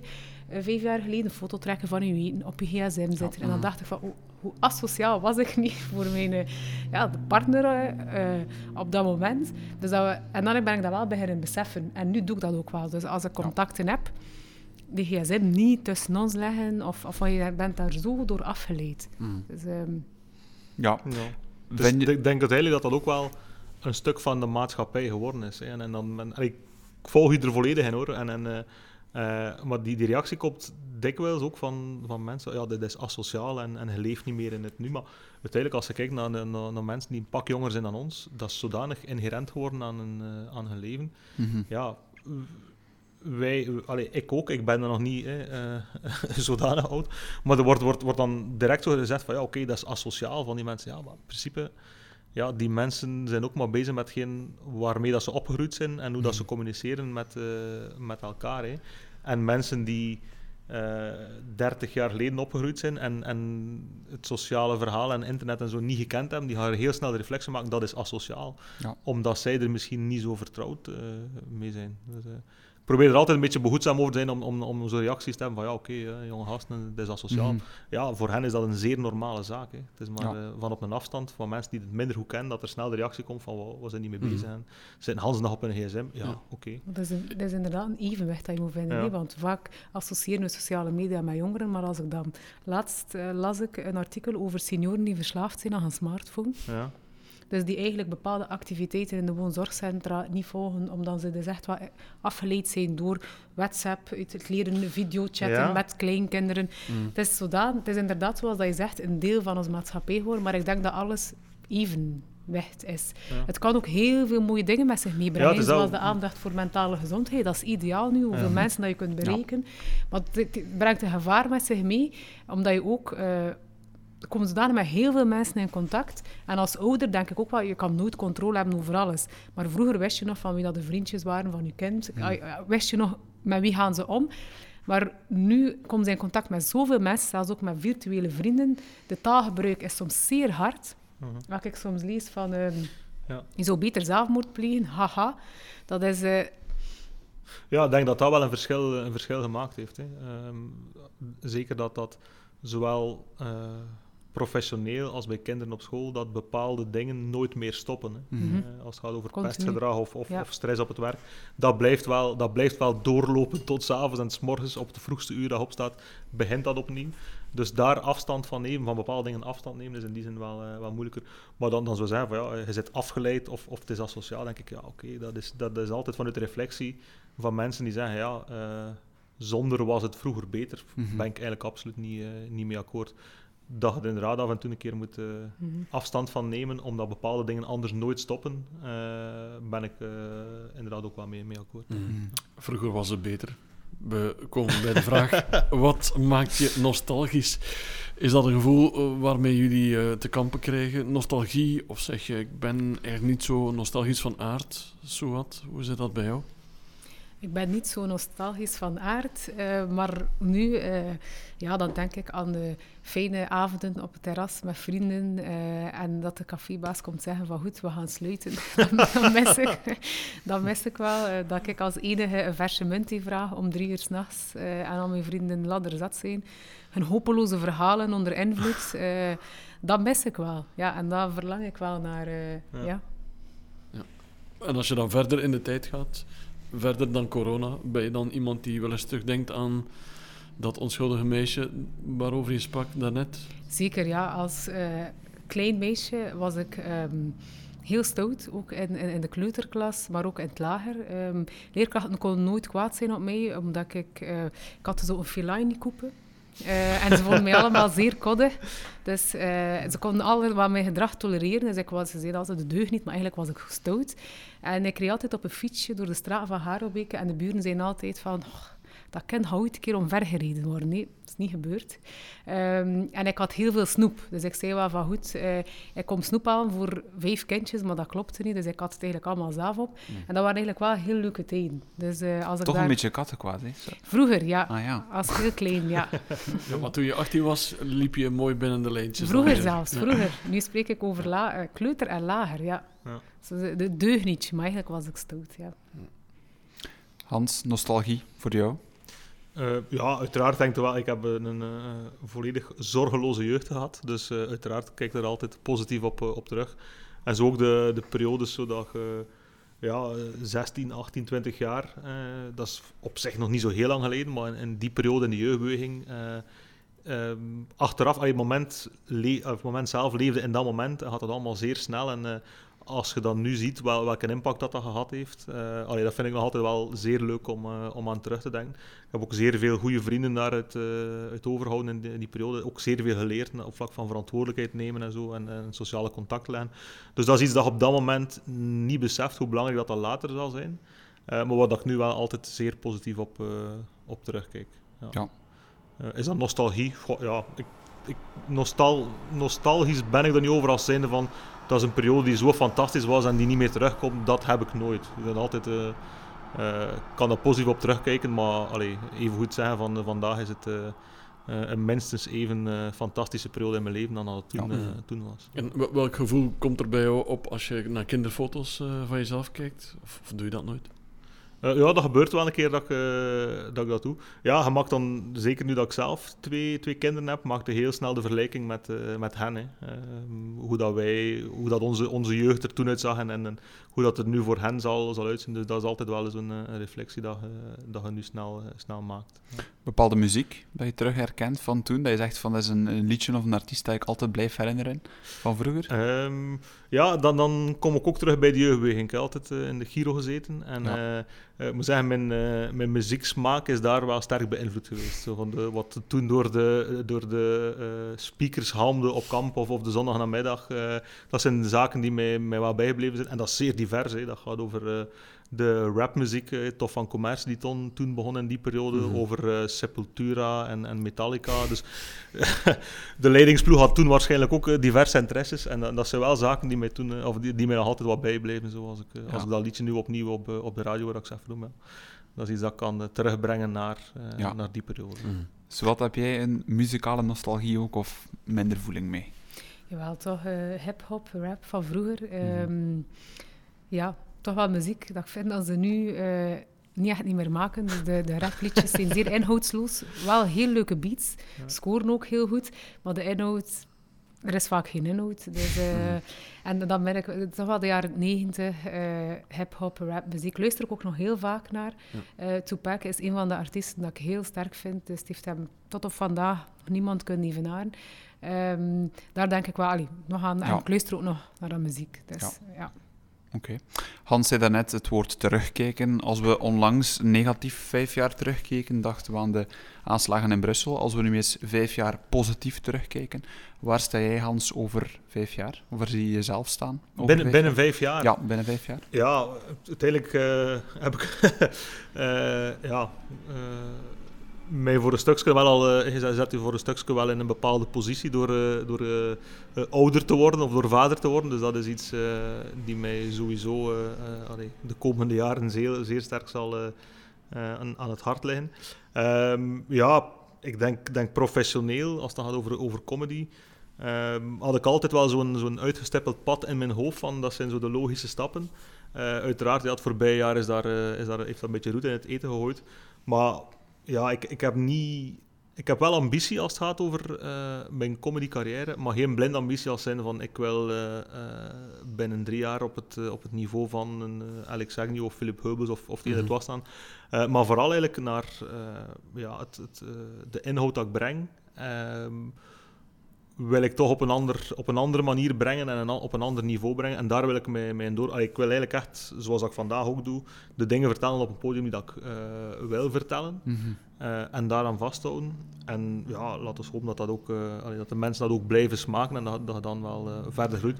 Maar zo echt te zijn van, ik zie mijzelf daar staan. Nee, ik heb zo het gevoel dat het, het, het, het traject er naartoe belangrijker of interessanter is dan het doel op zich. want ja. het zijn echt wel de dingen uit het leven die jij betrekt. Ik zag ooit uh, jou optreden in het uh, voorprogramma van Steven Mailleu, denk ja, ik. Ja, ja, En die show viel me wel op, die is me bijgebleven, omdat je altijd dingen vertelt die echt uit het leven gegrepen waren. Niet, niet te veel fantasie, maar gewoon down to earth, dingen die jou... Ja, klopt. En, en zeker, ja, dat is ergens logisch ook. Dat hoort van heel veel comedians. Ondertussen allee, kom ik, allee, ben ik in contact gekomen met heel veel mensen die al, al tientallen jaren in het vak zitten. En die zijn dus ook logisch, zeker in, in de beginfase, dat je uh, de eerste dingen dat je schrijft, dat dat dingen zijn die heel dicht rondom u staan. Uh, uh, en zeggen ze, uw eerste show, uw eerste avondvullende show zal vaak een, een samenraapsel zijn van die dingen. Uh, het moeilijkste is in tweede show, hè, want dan heb je meestal de dingen die heel dicht bij u staan al een keer uh, behandeld en dan wordt het moeilijker om daarop verder te komen. Nu, dat is wel een keuze dat ik ondertussen ook, ook eigenlijk in, in het voorbije jaar gemaakt heb om bepaalde stukken die dat ik gespeeld heb tot voor de, de eerste lockdown, om die gewoon niet meer, niet meer te spelen en mezelf wel uit te dagen om, om een stukje mm -hmm. verder te kijken. Um, en onder andere het, het, uh, heel het, het allee, ik zeg, de, de, voor mij het, het, meest interessante is, is, dat, is dat spanningsveld tussen uh, mijn lokale onbezorgde leven in Lichtervelde mm -hmm. en dan eigenlijk die mega-wereld er rondom, waar ik heel vaak in contact kom door, door, ja. mijn, door mijn job, door mijn vrouw die in een, in een internationale uh, gekleurde school. Uh, en dan vind ik ook dat je allee, een diepere inhoud kunt gaan, ja. kunt gaan geven en dat je daar ja, ook verder mee komt dan, dan enkel onder de kerktoren uh, uh, te gaan spelen. En ik voel ook wel de, de stukken dat ik daar nu al ooit rond gemaakt heb, uh, dat dat ook wel door een ruimer publiek gesmaakt wordt. En dat dat allee, als een ander niveau uh, geapprecieerd wordt. Het is sowieso ook een creatief proces, eh, shows bedenken, shows schrijven. Als ik even zelf nostalgisch mag zijn en terugkeer naar de allereerste episode van Tweespraak, zei Matthias Sercu, ik heb een schrijfkot, waar hij zijn, zijn liedjes schrijft. Ja. Heb je zelf een schrijfkot of een plaats dat je zegt van daar schrijf ik mijn shows, of daar ga ik in totaal isolement om uh, aan mijn shows te schrijven? Uh, nee, eigenlijk niet. Ik heb allee, mezelf zo in totaal isolement zetten, heb ik tot op heden nog nooit gedaan. Uh, ik denk wel, als je echt een voorstelling maakt, uh, waar dat de, uw kop alleen op dat affiche staat, en mensen effectief een, uh, een ticket van 15 euro betalen om te komen kijken, allee, bedoel, dan moet dat ook af zijn. Dan moeten die mensen ook een anderhalf uur of een uur kunnen, kunnen boeien. wat ik natuurlijk heel veel gedaan heb, zijn, voorprogramma's en line-ups. ja, waar, waar de interactie met het publiek zeer belangrijk is en, en waar dat je toch meer vrijheid heb. Dus mijn schrijfproces doet zich vooral voor op het podium zelf. Ja. Um, is toch altijd allee, een beetje try-outen, try ik ga het zo mhm. zeggen. Uh, er zijn natuurlijk ook al momenten geweest waar, ik, waar ik wel als headliner op een affiche sta. En dan inderdaad ga ik me wel even uh, aan mijn bureau zetten en zeggen: Oké, dit is nu het verhaal dat ik echt wil brengen. Ja. Uh, en, en, het freewheelen, wat, wat, er wat uithalen en, en, ja. en de. Mm -hmm de overtolligheden eruit halen. En dan is dat echt een schrijfproces waar ik mm wat tijd voor, voor moet uittrekken. Absoluut, ja. ja. Pieter Jan liet Matthias Sercu vallen. Weet je nog wanneer dat was? Dat was in uh, december 2019, denk ik. Ja. ja. Zo lang zijn we al bezig. Zeker. Dus, uh, zo wat, uh, kijk eens vooruit in je glazen bol. Waar wil jij staan? Waar zie jij Suat Abihi staan in 2026 ongeveer? Ik kan dat heel moeilijk zeggen. Ik, ik heb ooit gehoord dat de Hert Verhulst zei van als je even succesvol wil zijn als mij, dan moet je eigenlijk zeker al uitstippelen waar je wil staan. Ben vijf jaar, ben tien jaar, ben vijftien jaar. Blijkbaar doen de meest succesvolle mensen dat. Ik doe dat dus niet. dat, is ook, dat, is ook, dat is ook maar hoe dat je succes omschrijft. Hè. Ja, dus, het feit dat die eh, persoon zegt, als je even succesvol wil zijn als mij, zegt al iets over hoe dat zij naar succes kijken. Absoluut. Um, dus ik heb dat niet. Dus ik, ik probeer echt van dag tot dag uh, te leven. En... Um, ja, ik, ik, kan dat heel moeilijk uitstippen van goed, waar wil je staan binnen vijf jaar? Dat is, we weten ook niet, niemand heeft ons morgen beloofd en we weten ook niet hoe dat we gaan zijn binnen vijf jaar. Ik hoop gewoon dat ik binnen vijf jaar nog even gezond ben en nog even in staat ben om mijn eigen keuzes te maken. Maar waar wil ik dan staan? Mm Ik kan dat heel moeilijk zeggen. misschien heb je wel persoonlijke dromen of zo eh, die je meedraagt in je hoofd. En een eigen comedy show of een duo show met, met Hans. Ja. ja. da, da, daar, hebben, daar hebben we eigenlijk echt nog nood aan. aan een, uh, comedy duo. In comedy duo, ja. Dat is een, bestaan uh, niet. Voilà, bij deze ja. is dat nu ook al beslist. Dus we gaan ja, ja, voilà, waarom niet? Ik vind mezelf ook soms wel grappig, dus al lach ik wel... Uh, alleen met mijn uh, grappen. Ja, hier, hier, worden, hier worden banden gesmeed. Ja, ja, ja, ja, zeker. Ja, Dus, uh, ja een, een, een, eigen talkshow heb, heeft mij ook altijd al geboeid. Um, vind ik wel, uh, mocht ik ooit die kans krijgen, dat vind ik wel heel boeiend. Het is echt wel om, om, over bepaalde thema's te gaan spreken, om, om mensen terug, dat gesprek, mensen ontmoeten. Um, ja. Een eigen podcast, hè, zo wat? Een eigen podcast, ja. Dat zou ook mooi zijn. Een, een mooie podcaststem, mag ik wel zeggen. Dus dat is zeker Oh, dankjewel. Ik vind dat niet van mezelf. Dus. maar dat de luisteraars laten beslissen, maar uh, het klinkt goed. Sta je binnen vijf jaar nog altijd in Kortrijk? Geen idee. Dus, uh, ik woon graag in Kortrijk. Uh, ik ben hier echt heel graag. Um, maar het is niet, uh, als er zich een opportuniteit voordoet, ik weet niet wat, is het is, niet, het is geen vliegangst, ik heb geen verhuisangst, ik ga het zo zeggen. Dus, ja. dus dat, dat, heb ik niet. Dus, um... Maar op zich, Kortrijk heeft mooie plannen ook eh, binnen een aantal jaar, binnen vijf jaar. Staan die plannen hier nog altijd aan ook om in de stad te blijven als het kan? In welke zin? Ik wil zeggen, de, de verandering op vlak van de stad. De stad verandert, de stad evolueert, wordt groter, diverser ook. Ja. Uh, zijn dat veranderingen dat je zelf achter staat? Of zeg je van eigenlijk, op zich heb ik uh, misschien daar iets minder voeling mee met die veranderingen? Uh, ja, ik heb daar wel voeling mee. Ik vind het eigenlijk... Uh, de stad is op zich, van vandaag, al heel divers. Dus uh, ik had daar heel weinig probleem mee eigenlijk tot heen. Um, ik kan eigenlijk heel goed overweg met verschillende soorten mensen. Um, ja, ik zeg het, ik, ben hier graag, maar het is niet dat ik zeg van goed, ik wil hier heel mijn leven blijven. Blijf ik hier heel mijn leven, is het ook oké. Dus ik weet niet wat, wat de tijd zal brengen. Uh. Ja. Oké, okay, dankjewel. We gaan naar een nieuwe vraag. Dat is uh, altijd leuk om uh, te beginnen en te kijken wat de reacties zijn op zo'n nieuwe vraag. En daarnet ging het al eventjes over kijken naar jezelf. Gert Verhulst uh, kwam zo hard te sprake. wat bewonder je het meest aan jezelf? We hebben het gehoord bij Gert, uh, wat je moet doen om er te geraken. Maar als je nu eens kijkt in de spiegel, waar ben je dan ergens trots op bij jezelf? Zowat? Mijn uh, doorzettingsvermogen. Um, het is niet gemakkelijk om um, ontworteld te worden, zeg maar. Dus als, als klein kind, met mijn Fellaini-koepen, stond ik daar heel weinig bij stil. Want ja, ik, ik, was een koddig kind, een mooi kind. Dus ik, ik, stond ook niet stil bij het feit van ik ben anders, want ik voelde mij ook niet anders. Want mm. ja, je viel op en als kind wil je aandacht, dus ik kreeg die aandacht, dus dat was geen probleem. Maar uh, naarmate dat je ouder wordt, merk je ook wel van... Um, dat je altijd je plaats moet opeisen, precies. Altijd een beetje meer of de ander. Um, en gelukkig uh, heeft, uh, heb ik altijd de kracht gehad om door te zetten, om, om niet te lang stil te staan bij het feit dat ik eigenlijk het dubbele moest doen in vergelijking met andere mensen om me heen. Um, ik heb dat lang ook van mezelf niet beseft, want ik vond dat als vanzelfsprekend dat ik altijd dubbel moest knotten, dubbel mijn best moeten, dubbel mm. beleefd moest zijn, mij geen uitschieters kon uh, voor, veroorloven. Um, maar met ouder worden werd mij dat ook wel duidelijk gemaakt in een omgeving van besef je wel hoe sterk je bent. Uh, besef je wel wat je allemaal moet meemaken. Uh, laatst zei er nog een vriendin van, besef je eigenlijk dat je jezelf kapot relativeert. Je relativeert heel veel zaken, de reacties die je kreeg, dit kan toch niet. Stop met relativeren. Uh, ik zou het niet kunnen.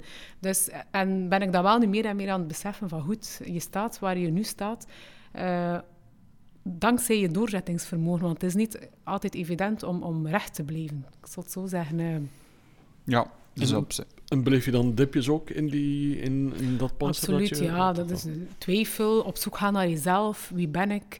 Um, dat, is, dat is niet allemaal zo evident. Dus ik ben 31, ik ben ongehuwd, nog geen kinderen. Dat is vooral voor de Marokkaanse gemeenschap, maar ook hier in West-Vlaanderen uh, zijn er ook wel heel wat conservatieve mensen, maar je hoort eigenlijk al getrouwd te zijn, huisje, tuintje, kindje. dus dat is allemaal zeer confronterend, want beide werelden zijn dan conservatief. Uh, als ik het zo mag, zonder te veralgemenen uiteraard, maar ik vind toch ook wel, je bent en Marokkaans en in West-Vlaanderen gevestigd. Dat op zich is al een hele uitdaging. Um, dus je merkt ook wel, je moet dan 25 afstuderen, uh, huis gebouwd hebben, kindjes.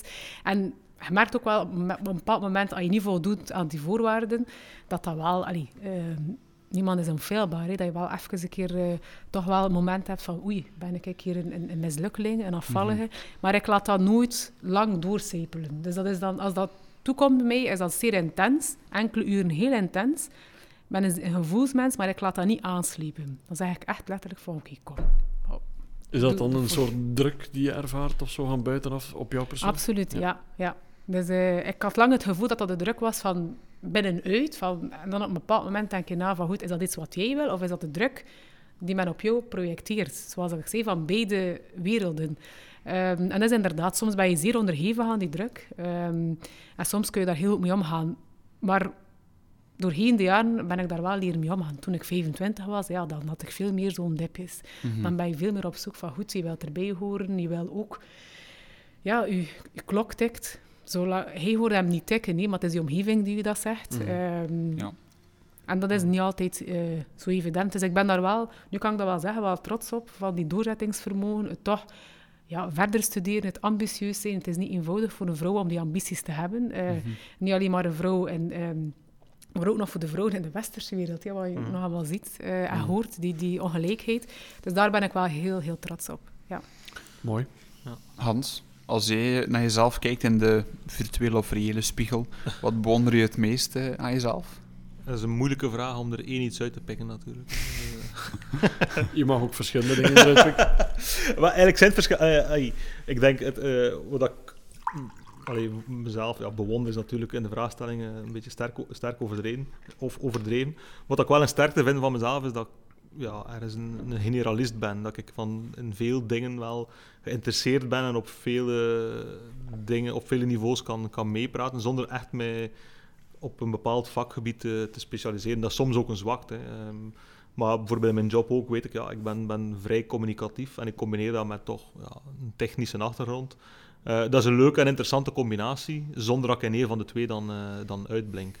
Um, En dat, dat, ja, dat heeft zich altijd een beetje in mijn, mijn, leven, in mijn leven doortrokken, ook als het ging over sport en zo. Ik kon overal wel mijn, mijn, mijn strengen trekken, zonder dat ik echt een uitblinker was in één iets. Dat is uiteraard ook een zwakte, als je in niks echt superieur zit.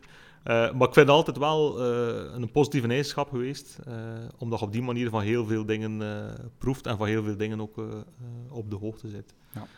Um, en dat is zoiets dat ik altijd wel probeer te bewaren, ook in, in, mijn, in mijn leven, om, om ja, met verschillende dingen bezig te zijn. En dat kan gaan over het, het, bouwen van een huis in combinatie met een comedy carrière. En, en, en allee, dat, dat, is, dat is van, ik ga me nooit op één iets storten dat heeft misschien als nadeel dat je, dat je allee, op, op, op, op een bepaald gebied dan, dan niet excelleert. Maar dat heeft u wel, denk ik, het voordeel uh, dat je inderdaad ook heel snel dingen kunt relativeren en altijd iets om handen hebt of altijd kunt terugvallen op iets anders als er een mhm. keer iets misloopt. Allee, ik, bijvoorbeeld als het gaat over comedy, ik ken heel veel mensen die op, op mijn niveau staan uh, of die al wat langer bezig zijn en die, die op een gegeven moment zeggen, ja, ik stop met werken en ik ga alles op die comedy carrière zetten. Ja, zit maar een keer in een lockdown op dat moment. Dus, dus ik heb daar op zich dan minder last van, omdat ik andere dingen te, te doen heb.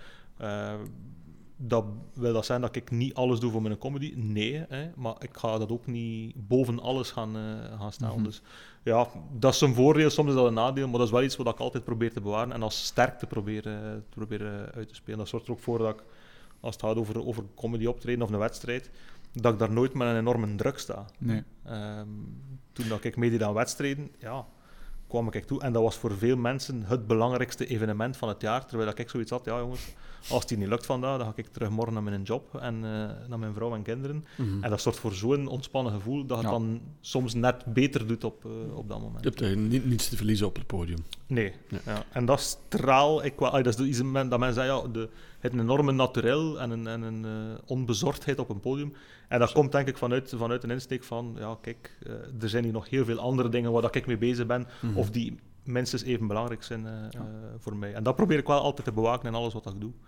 Jullie zeiden ook op zich, klinkt het nu vrij spontaan, maar jullie hebben waarschijnlijk ook nagedacht over deze vraag. Wat bewonder je het meest aan jezelf? Maar vind je dat dat dag van vandaag meer moet kunnen? Dat mensen moeten zeggen wat ze aan zichzelf bewonderen?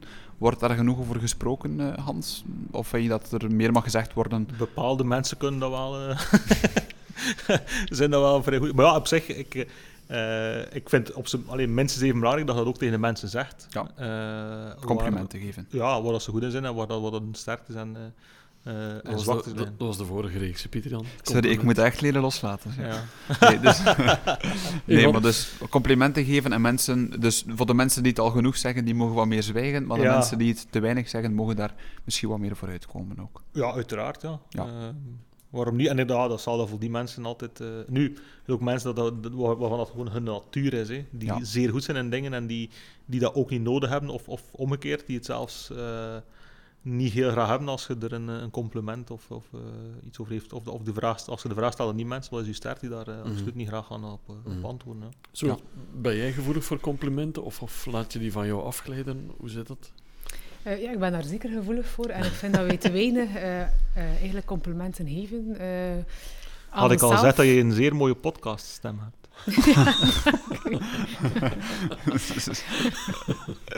We geven veel te weinig complimenten aan onszelf, maar ook aan de ander. ik ben dan nu terug met, met, met onze West-Vlaanderen. We zijn ook zeer bescheiden. Wij doen heel veel zaken. Wij excelleren in heel veel zaken als provincie. Maar we doen altijd maar verder. En als je zegt, moet ik echt een keer een test doen en gewoon morgen aan iemand zeggen van, je ziet er goed uit. Ah, ja. Of, of het is echt goed gedaan. Ah ja, vind je? Vind je? Dus ik vind dat we hmm. dat veel meer moeten doen, maar ook aan onszelf vergeten. Soms echt wel onszelf. Uh, we vinden heel veel zaken als vanzelfsprekend. Uh, En dat is, dat is niet evident, want ik ik ben gevoelig aan complimenten, maar ik kan ze heel moeilijk ontvangen. Dus mhm. ik merk dat ook van mezelf. Ik voel me dan heel ongemakkelijk. En dan denk ik van, goed, ontvang maar. Maar ik geef wel graag complimenten. Ja. Dus, uh, en is die, dat compliment van die podcaststem goed aangekomen? dat is, ja, dat is goed aangekomen. Voor mij was dat even een kortsluiting hoogte van mijn hersenen, want ik vind zelf dat ik geen... Uh, ja. ik hoor mezelf niet graag uh, op video en dergelijke, dus vandaar... Maar uh, ik ontvang het compliment. Super. Voilà, graag gedaan. Zowat en Hans, stel je voor dat de premier morgen uit West-Vlaanderen komt. Dat we de premier mogen leveren. En je bent morgen premier van ons land, en premier Abihi. Wat is jouw eerste agendapunt? Uiteraard zal jullie niet verrassen, maar het eerste agendapunt is toch wel uh, de mentale gezondheid en de toegankelijkheid van geestelijke gezondheidszorg. Er wordt daar al heel veel over gesproken, er worden stappen ondernomen, maar het gaat zeer langzaam. En dat zou echt wel een van mijn prioriteiten zijn. Zeker ook uh, voor de meest kwetsbare groep, dat zijn uh, kinderen en jongeren. Het kan niet zijn als uw kind min 15 zich niet goed voelt, zelfs suicidaal is, en als je als ouder naar huis wordt gestuurd van op een spoedafdeling omdat er geen bed voorzien is. Bepaalde situaties meegemaakt, bepaalde schrijnende verhalen gehoord, gelezen. Ik vind in zo'n welvarend land het niet kunnen dat die wachtlijsten nog altijd zeer uh, groot zijn. Uh, ook bij mensen met een dubbeldiagnose, zeg maar iemand uh, met een eetstoornis, maar ook met een depressie, komt op wachtlijsten terecht, moet heel lang wachten op gespecialiseerde zorg. Er zijn heel veel goede intenties. Ehm, psychologen, psychiaters, hulpverleners komen ook meer aan het woord. Het wordt veel besproken, maar uh, er kan nog veel meer aan gedaan worden. Onze zelfmoordcijfers zijn ook heel hoog. Uh, dat cijfer is ook onderschat. Um, dat zou ik wel als eerste doen. Omdat ik vind van uh, zonder onze mentale gezondheid um, kunnen we eigenlijk nergens naartoe. en niemand zou wachtlijsten in de medische gezondheidszorg aanvaarden maar waarom doen we dat dan ook met de psychische gezondheid? Dus dat, is, dat zou een van mijn eerste agendapunten zijn.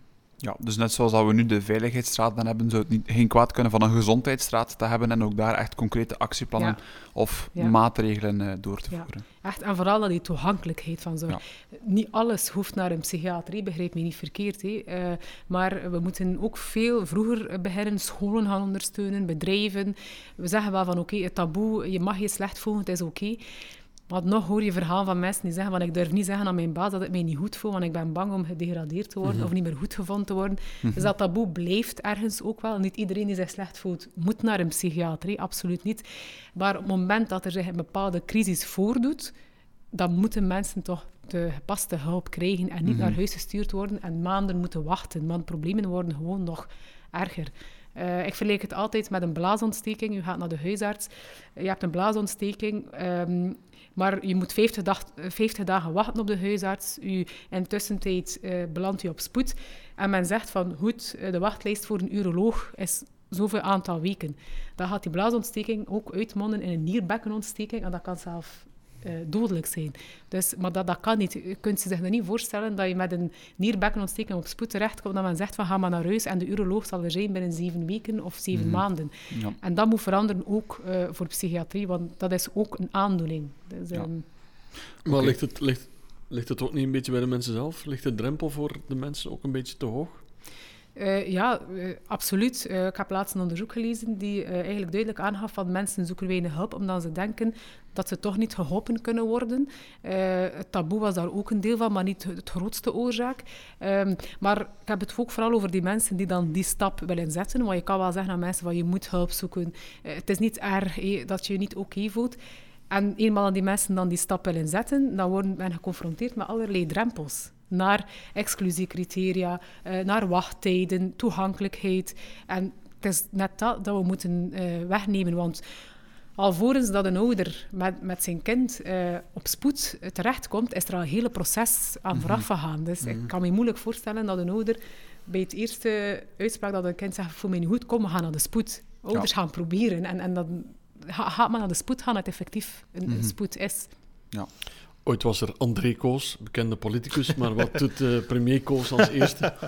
maar ik, ik zou niet, ik, als, mocht ik premier worden, mocht ik daarin slaan, dan zou ik niet zoveel veranderen. Want uh, ik denk dat in, in, in Belgische politiek, ik heb over nagedacht, het is, er zijn geen complexer landen dan België, maar ik denk dat het nergens zo eenvoudig is om aan politiek te doen dan in, dan in België. Want als je dat bekijkt, hoe, en, en dan kom ik terug op het verhaal van daarnet, hoe hoe bepaalde mensen, of hoe wij als bevolking eigenlijk bepaalde dingen relativeren en er eigenlijk nooit, nooit uh, rebelleren tegen bepaalde dingen, denk je dat dat gewoon zeer eenvoudig is om hier aan politiek te doen. Ik weet dat dat heel sterk op flessen getrokken is, maar het, het, het frappeerde mij uh, de voorbije maand of, of weken, hele debakkelen rond de zonnepanelen. Ik keek naar de aflevering van de afspraak uh, met, met Bart Tommelijn, die zich daar in alle bochten wringt en die, die er niet uitkomt. En dan leest, de, dan leest op Twitter uh, en dan gaat alleen maar over zijn kapsel. Dan denk ik, ja, dat is toch zo sprekend over, over onze maatschappij. Hè? Die, die zet daar um, honderdduizenden Vlamingen uh, even in de zak. En dan zeggen ze, godverdomme, dat gezien? Nee, maar je niet naar de coiffeur geweest. Hè? Ik vind dat zo allee, ongelooflijk, maar het zegt wel ook iets over onze, over onze gemeenschap. Hè?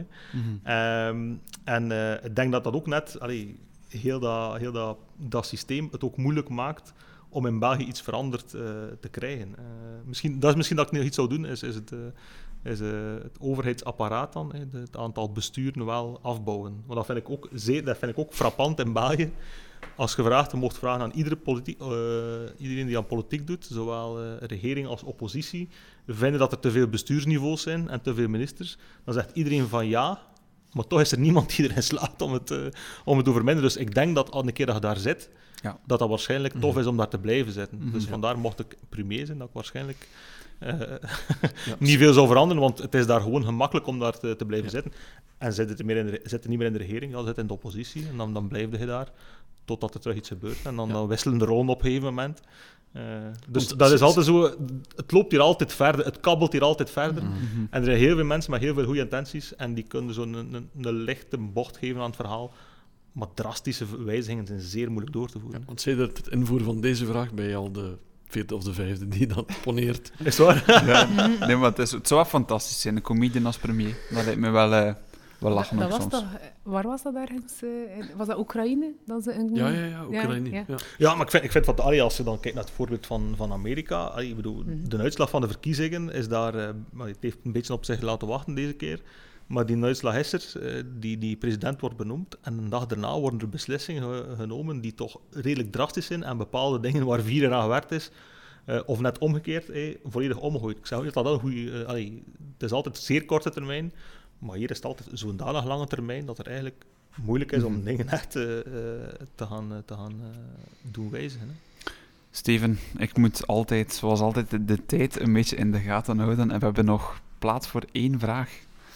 Ja, dan gaan we naar de eerste. De eerste die doorgestuurd is naar jullie ook. Uh, we zijn al nostalgisch geweest, we hebben al teruggeblikt op onze jeugd, maar als er één les is die je meeneemt, uh, die je ooit hebt geleerd van iemand of uit eigen ervaring. Wat is dan de mooiste les die jij ooit in jouw leven hebt geleerd, uh, Suat? Is uh, om, om zorg te dragen voor mezelf. Ik ben een hever. ik draag graag zorg. Ik heb geleerd om zorg te dragen voor mezelf. dat het oké is om eventjes gas terug te nemen, om eventjes gewoon iets voor jezelf te doen. dat heb ik wel geleerd. ja. Want los van de switch van uh, diversiteitsmedewerker naar AZ Groeningen, was het ook daar een gaslos um, beslissing, zeg maar? Of was dat uh, andere redenen?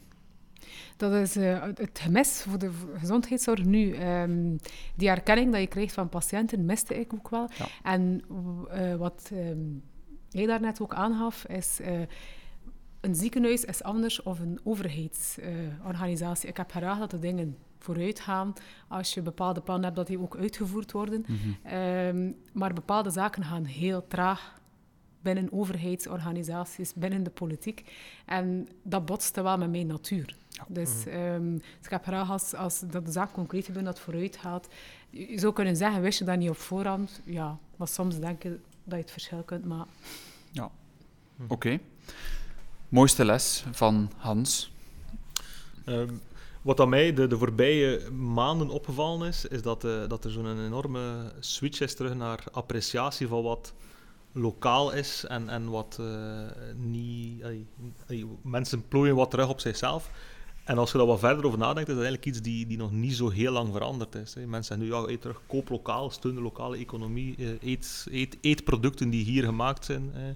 Uh, ga in eigen land op reis, terwijl dat eigenlijk iets is die we nog maar een paar decennia niet gedaan hebben. Hè. Zoiets, mm -hmm. uh, we hebben een, aantal decennia geleden beslist, beslist, als mensheid dat we het onszelf mogen permitteren om over, overal rond te vliegen en uh, heel de wereld te doorkruisen. En, en ja, achteraf gezien blijkt dat, ja, dat dat wel een milieu-impact heeft en dat, dat ziektes nogal snel verspreiden op die manier. Mm -hmm. En nu heeft iedereen zoiets van, ja, misschien moeten we terug, hey, moeten we misschien lokaal. En dat, dat klinkt chic en modern en hip, maar eigenlijk is dat iets die we als mensheid al zeer lang gedaan hebben en maar een zeer, zeer kor- korte periode niet gedaan hebben. En ik denk, ik hoop dat dat ook allee, dat is dan een, ja, een stuk een les voor mij. Ik was al niet iemand die eh, eh, daar zo heel ver in ging. Maar ik, ik hoop dat dat een les is voor, eh, voor de mensheid algemeen een beetje, dat we de positieve dingen die we, die we nu plots herontdekt hebben, die we nog niet eens zo heel lang geleden kwijtgeraakt waren, Hmm. dat we die toch nog eh, opnieuw voor een aantal decennia proberen vast te houden. Hè. Dat we die blijven behouden. Ja, dat Ja. we eh, inderdaad in de plaats van een vergadering te organiseren, waar je drie uur voor in een auto moet zitten, dat we een keer een telefoon of de, of de, de Zoom of de Teams meeting opzetten, Ja. dat we zo'n dingen, zo'n heel banale dingen, dat we dat toch Mm. allee, proberen de, de positieve dingen van in te zien en verder door te trekken. En eh, Ja. dan misschien op veel vlakken toch eh, allee, niet slecht geweest zijn wat, dat we, wat dat we nu doorgemaakt Mm. hebben. Oké, top. We zoeken de schone dingen soms te ver, letterlijk en figuurlijk, Ja, denk ik. klopt. Zeker. Ja. En met die wijze woorden zijn we Dat aangekomen is een mooie aan, het, eh, hè. einde, aan het einde van de podcast. Ehm zowat, Hans, wat vonden jullie van de podcast zelf? Was het een eh, fijne ervaring, het voorbije uurtje en een kwart? Ja, absoluut. Ja. Het, was, eh, het was tof. Het is vooral tof om een keer opnieuw eh, ja, bij mensen terecht te komen die, die, die wat verder uit uw bubbel staan. Hè. Dat is, eh, Ja. eh, het, ik denk het grootste gemis is de spontaniteit in het leven die we, die we kwijt zijn het voorbije jaar. En hier zijn we een keer Mhm. terug in contact gekomen met andere mensen en het keer over compleet andere dingen gehad dan dat we eh, gewoon zijn. Dus eh, ja, absoluut eh, zeer Ja. aangenaam. Dank u. Super. Zo, wat, hoe Ik, kijk jij terug op deze reis? Ik vond het ook zeer aangenaam, dus ik volg Hans eh, daarin. Ehm, en ook ja, nieuwe mensen leren kennen, eh, nieuwe verhalen, eh, vind ik, ja, ik vond het heel fijn. Dus eh, bedankt Fantastisch. voor de uitnodiging. Ja, want waar het heeft zijn recht natuurlijk. Hans is in extremis er nog bij gekomen. Ja. Waarvoor ongelooflijk bedankt ook Ja. eh, voor de moeite die je daarvoor hebt Graag gedaan. Hans. En eh, Zeker. veel succes volgende keer, want dan is het de jubileumeditie. Dus, eh, Ja. Ja, de episode 25. We gaan iets eh, speciaals moeten doen, Steve. Ik heb nog één vraag. Wanneer is jullie eerste gezamenlijk optreden? Ehm, laat ons zeggen dat, dat we eerst een keer eh, zouden moeten afwachten tot wanneer er een, überhaupt terug een optreden is. Ja. Maar vanaf wat mogelijk is, Voilà. staan we er. En jullie Ja. kregen een VIP-plaats, dus dat is... Oh, Ja. fantastisch. Nee, dat is vrij goed. En laten we gewoon een keer in betere tijden een uh, munttheetje gaan drinken en de café was laten zeggen van, ga allemaal naar huis, want Ja. het is het laatste. eh, Oké, ik dat hou gedronken hier weer aan. fantastisch. Bedankt alleszins, Hans, en uh, gedaan. voor jullie aanwezigheid. Ja, dankjewel. Bedankt, Steven, ook Pieter opnieuw. Jan, je ook. En Zeker. tot weespraak. Tot tweespraak.